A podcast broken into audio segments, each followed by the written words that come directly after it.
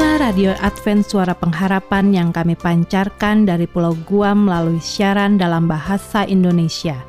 Salam sejahtera kami sampaikan kepada para pendengar kami di mana pun Anda berada. Selamat berjumpa kembali dengan kami, Radio Advent Suara Pengharapan. Dengan senang hati kami akan menemani Anda melalui rangkaian acara yang telah kami persiapkan khusus bagi Anda sekeluarga. Harapan kami, semoga siaran ini dapat bermanfaat dan menjadi berkat bagi Anda semuanya. Selamat mengikuti dan selamat mendengarkan. Tuhan memberkati.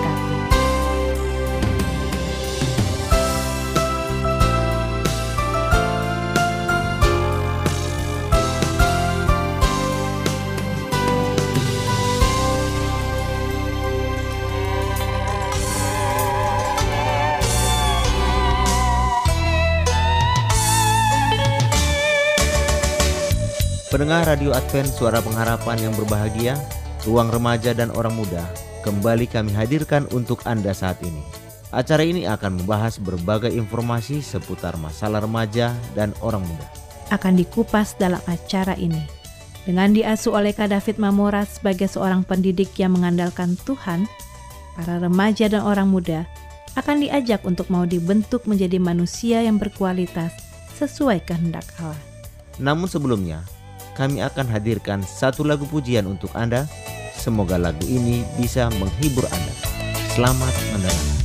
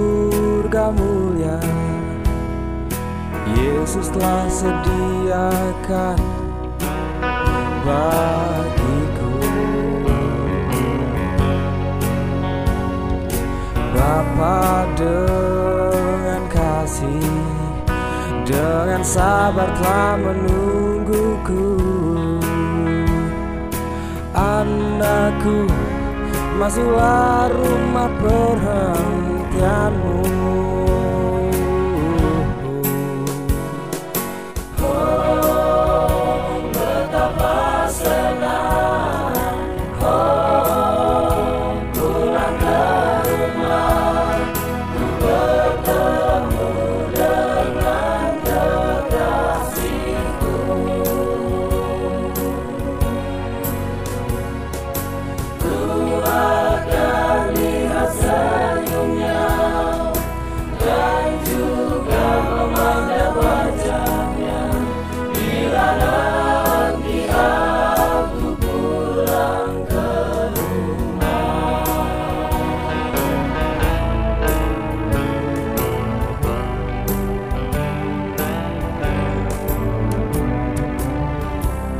rumah yang di surga. Aku rindu ke sana. Di sana tak ada lagi air mata. Yesus kan menghapus segala air mata di pipimu dan Yesus pun dengan senyumnya menunggumu.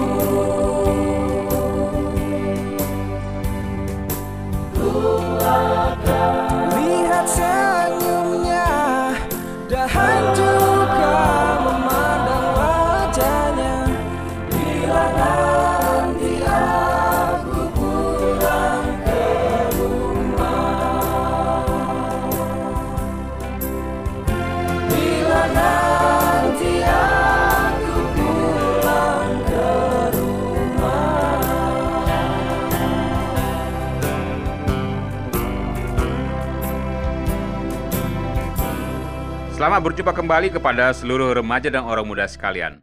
Senang sekali Radio Advent Suara Pengharapan bisa bertemu dengan kita semuanya di udara pada hari ini untuk kita mempelajari firman Tuhan dengan judul Pergaulan.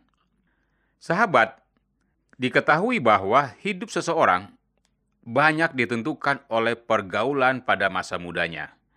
Ini tentunya memberi kita pengertian bahwa masa muda adalah masa yang sangat krusial.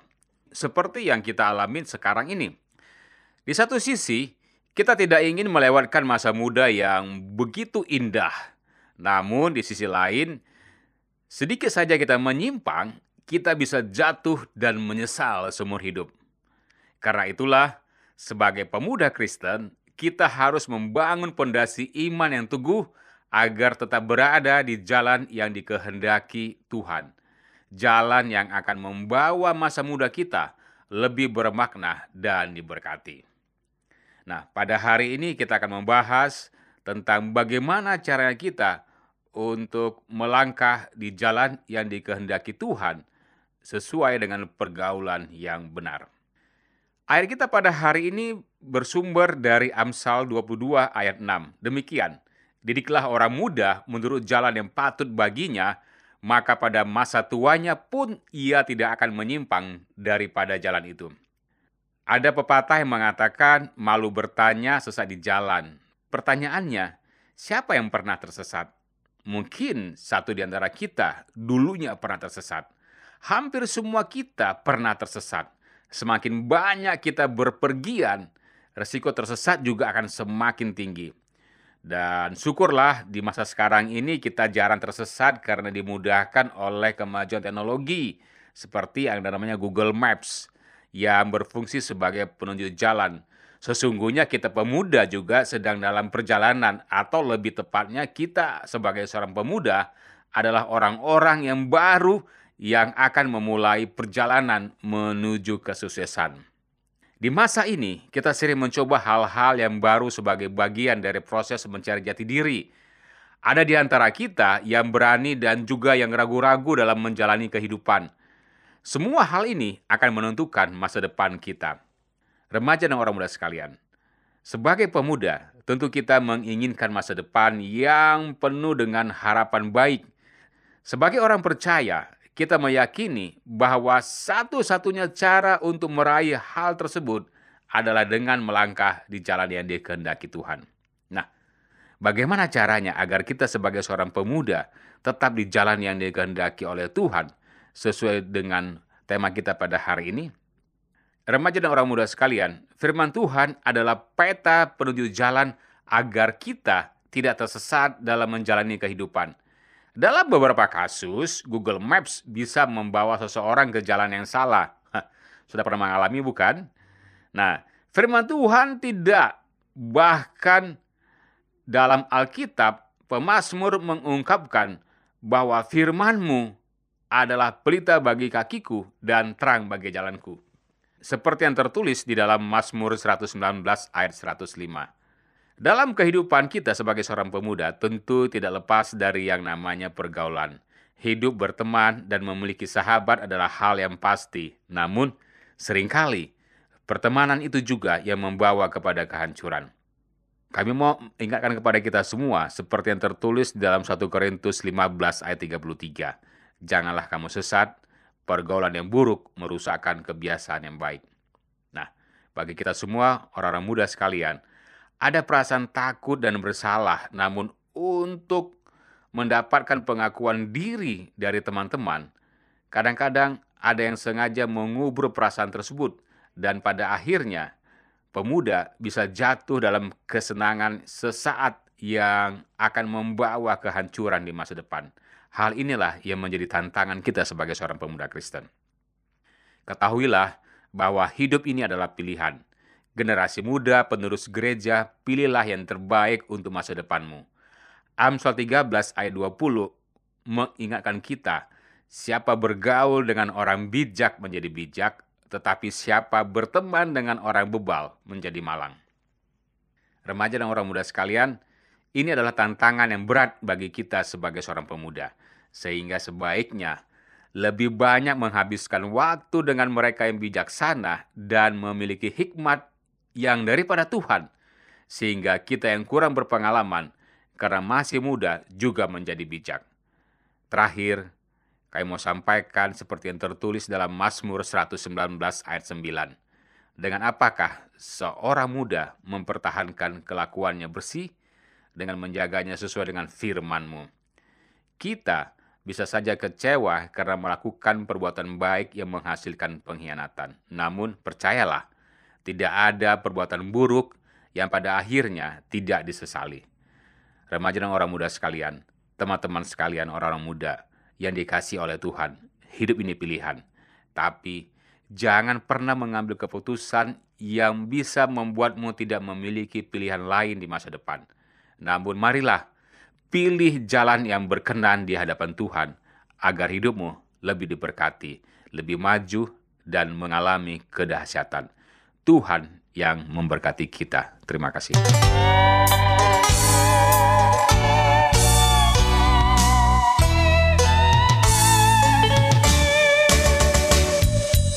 Pendengar Radio Advent Suara Pengharapan yang tetap setia bersama kami, demikian sajian ruang remaja dan orang muda yang sudah kami hadirkan untuk Anda.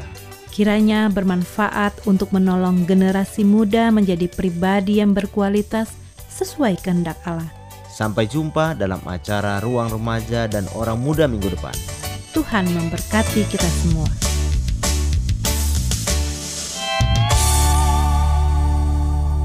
Selanjutnya marilah kita mengikuti mimbar suara pengharapan. Angkatlah diri dan bunyikanlah Yesus mau datang segera Nyanyi musafir dan pujikanlah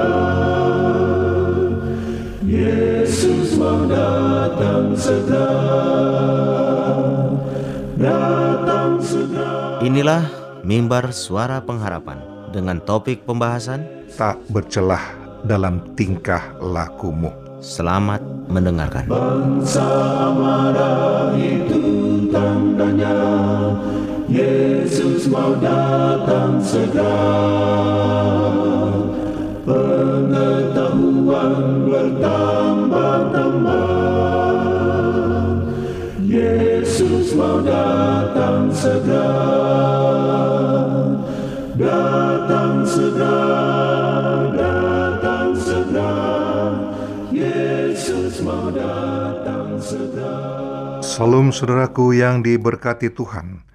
Kita bersyukur karena pada saat ini diberikan kesempatan oleh Bapa kita yang penuh kasih untuk menerima berkat-berkatnya dan terutama mendengarkan sabda Tuhan dalam acara Mimbar Suara Pengharapan bersama saya Pendeta Togar Siman Juntak dengan judul renungan kita Tak Bercelah dalam Tingkah Lakumu.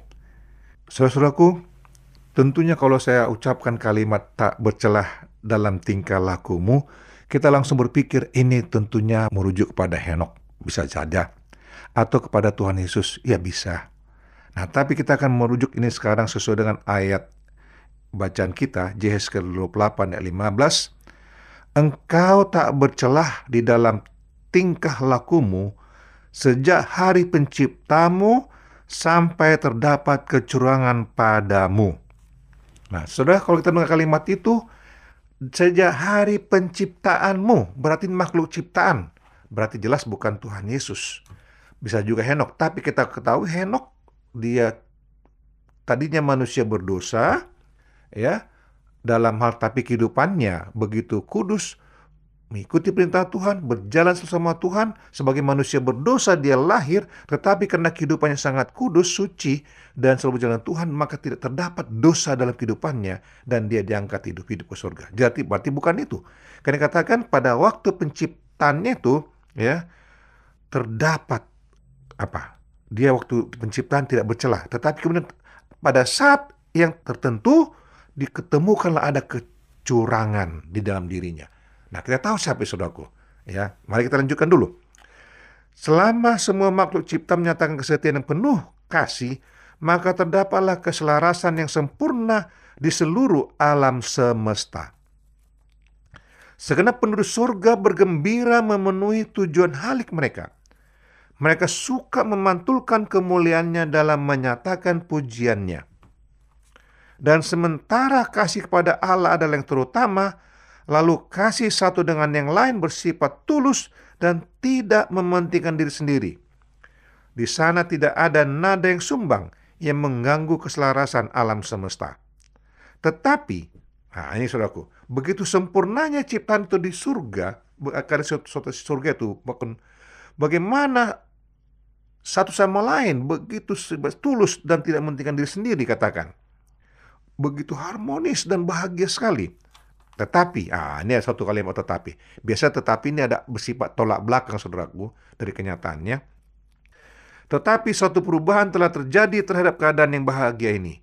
Ada satu makhluk yang telah menyalahgunakan kebebasan yang telah diberikan Tuhan kepada makhluk ciptaannya.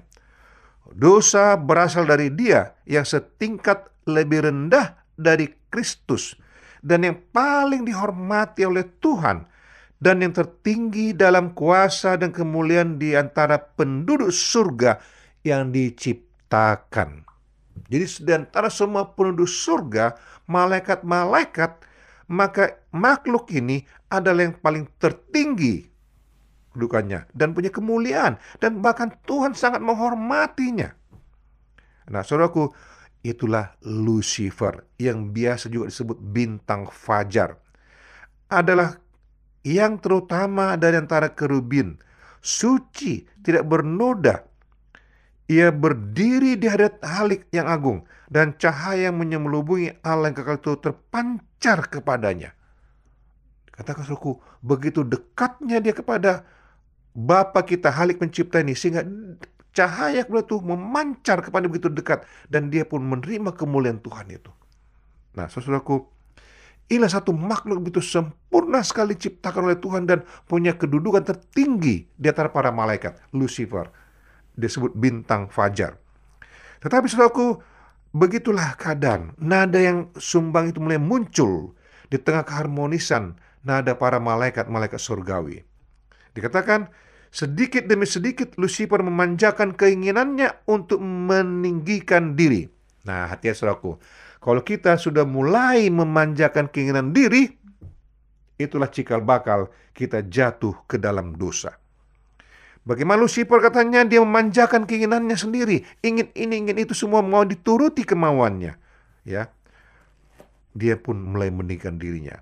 Sekalipun segenap kemuliaannya itu berasal daripada Tuhan, Malaikat yang berkuasa ini merasa itu datang merasa dari, dari dirinya sendiri. Dia merasa bahwa kemuliaan itu adalah dari dalam dirinya. Malaikat yang berkuasa ini merasa itu datang dari kuasanya. Dia tidak puas dengan kedukannya sekalipun dihormati di atas segenap penduduk surga. Ia mencoba untuk merebut kehormatan yang hanya layak bagi Halik saja.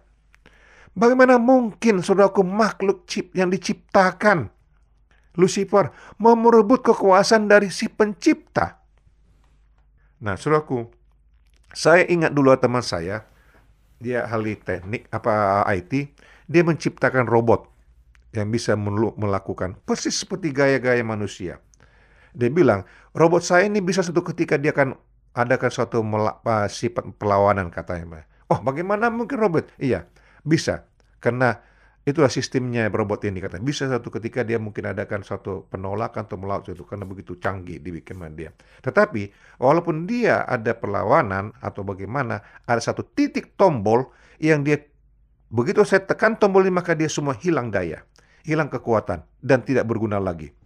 Dan itu tombol itu saya akan pegang baik-baik itu saya bawa ke mana. Nah benar apa yang katakan. So, ketika robot ini mungkin ada suatu hal atau bagaimana kosleting ada sedikit uh, mulai ada macam-macam lah perlawanan atau gimana mulai agak sedikit membuat destroyer kerusakan. Nah, karena tidak bisa dikendalikan lagi, maka teman saya langsung ceritakan, dia pencet tombol satu yang dibawa itu, ada tombol itu chip, selesai. Langsung mati, tidak berguna lagi. Nah, jadi saudaraku, kenapa? Begitulah kadang-kala kita manusia. Kita rasa kita punya kemampuan. Lucifer terutama, dia merasa dia punya kemampuan. Dia tidak sadar dirinya adalah diciptakan. Ya, oleh pencipta. Jadi dia tidak puas, dia mau ingin merebut kekuasaan sang pencipta. Bagaimana mungkin? Nah, sesudaku. Nah gantinya berusaha menjadikan Allah terutama dalam kasih dan keselamatan seluruh amal ciptaan. Dia mencoba mengalihkan pelayanan kesetiaan mereka pada dirinya. Dia menghasut para malaikat dan merasa ingin kemuliaan Allah Bapa itu tanamkan dalam anaknya. Pemimpin malaikat ini telah bercita-cita untuk memperoleh kuasa yang merupakan hak mutlak daripada Kristus. Untuk menyangga kekuasaan Allah yang juga berarti menantang kebijaksanaan serta kasih halik itu telah menjadi tujuan pemimpin malaikat itu. Untuk maksud inilah ia setingkat saja lebih rendah daripada Kristus, tertinggi di antara makhluk ciptaan Tuhan, telah mencurahkan segenap daya pemikirannya. Tetapi ia menghendaki kebebasan berpikir dari semua makhluknya tidak membiarkan seorang pun tanpa marah terhadap tipu daya yang sedang menyesatkan oleh mana pemberontakan berusaha membenarkan dirinya. Sebelum pertarungan besar itu terbuka, semua harus sudah memiliki pengertian jelas akan kehendak Bapa kita yang penuh hikmat. Kebajikannya merupakan sumber segala kebahagiaan mereka itu. Nah, saudaraku, ini yang harus kita lihat, saudaraku, bahwa Tuhan tidak pernah membuat manusia itu apa ciptaan itu seperti robot. Tidak pernah, saudaraku. Dia membuat manusia itu selalu untuk selalu bergantung penuh sukacita menurut seperti kita kemarin bahwa dia mau kita itu menurut dengan penuh sukacita. Nah, jangan biarkan saudaraku untuk uh, diri saudara itu memupuk keinginan sendiri itu akan membuat saudara akan rusak ya. Jangan pernah lakukan saudaraku. Tapi ikutilah selalu perintah Tuhan agar saudara damai. Karena saudara dan saya adalah makhluk ciptaan bagaimanapun tidak akan pernah untuk melebihi, bahkan menyamakan diri pun nggak bisa dengan pencipta kita. Nah, saudaraku, jika saat ini ada mau didoakan ataupun ada hal-hal mau tanyakan, hubungi kami tim pelayanan mimbar suara pengharapan. Dengan penuh sukacita, kami akan selalu melayani saudaraku. Mendoakan saudara agar selalu mendapatkan berkat yang limpah daripada Tuhan. Kasih Tuhan menyertai Anda dari sekarang sampai selama-lamanya. Di dalam nama Yesus kami berdoa. Amin. Salam saudaraku. Amin.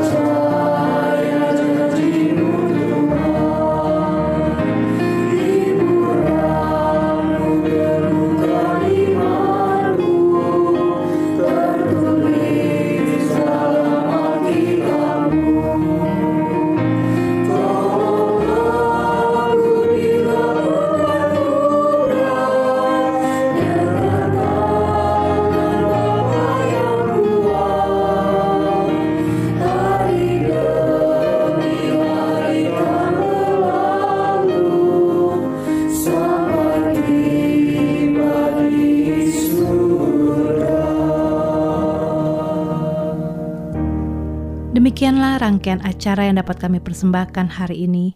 Dan apabila Anda mempunyai pertanyaan atau ingin mendapat pelajaran Alkitab penemuan baru, silakan menghubungi kami dengan cara mengirimkan surat ke alamat Radio Advent Suara Pengharapan, PO Box 8090, Jakarta 12810 Indonesia. Telepon 0821 1061 1595. Alamat email awrindonesia@yahoo.co.id. Anda juga dapat bergabung di Facebook kami, pendengar Radio Advent Suara Pengharapan, juga Radio Advent Suara Pengharapan. Terima kasih kami ucapkan bagi Anda semua pendengar kami yang setia.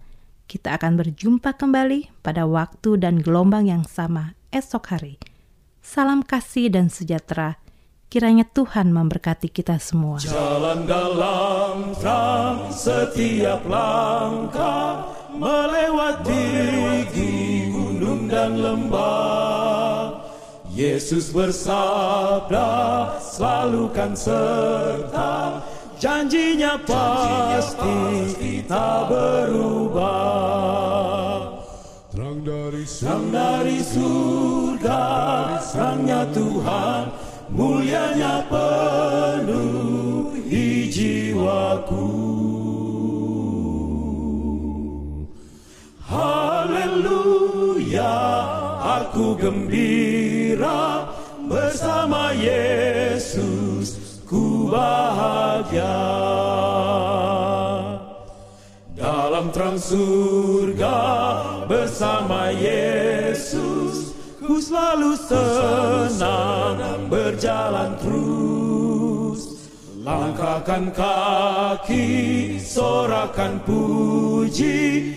Jalan dalam terang penuh kasih.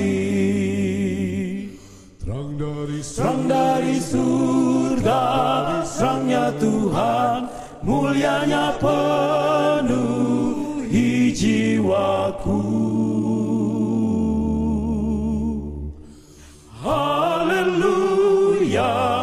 Aku gembira bersama Yesus, ku bahagia.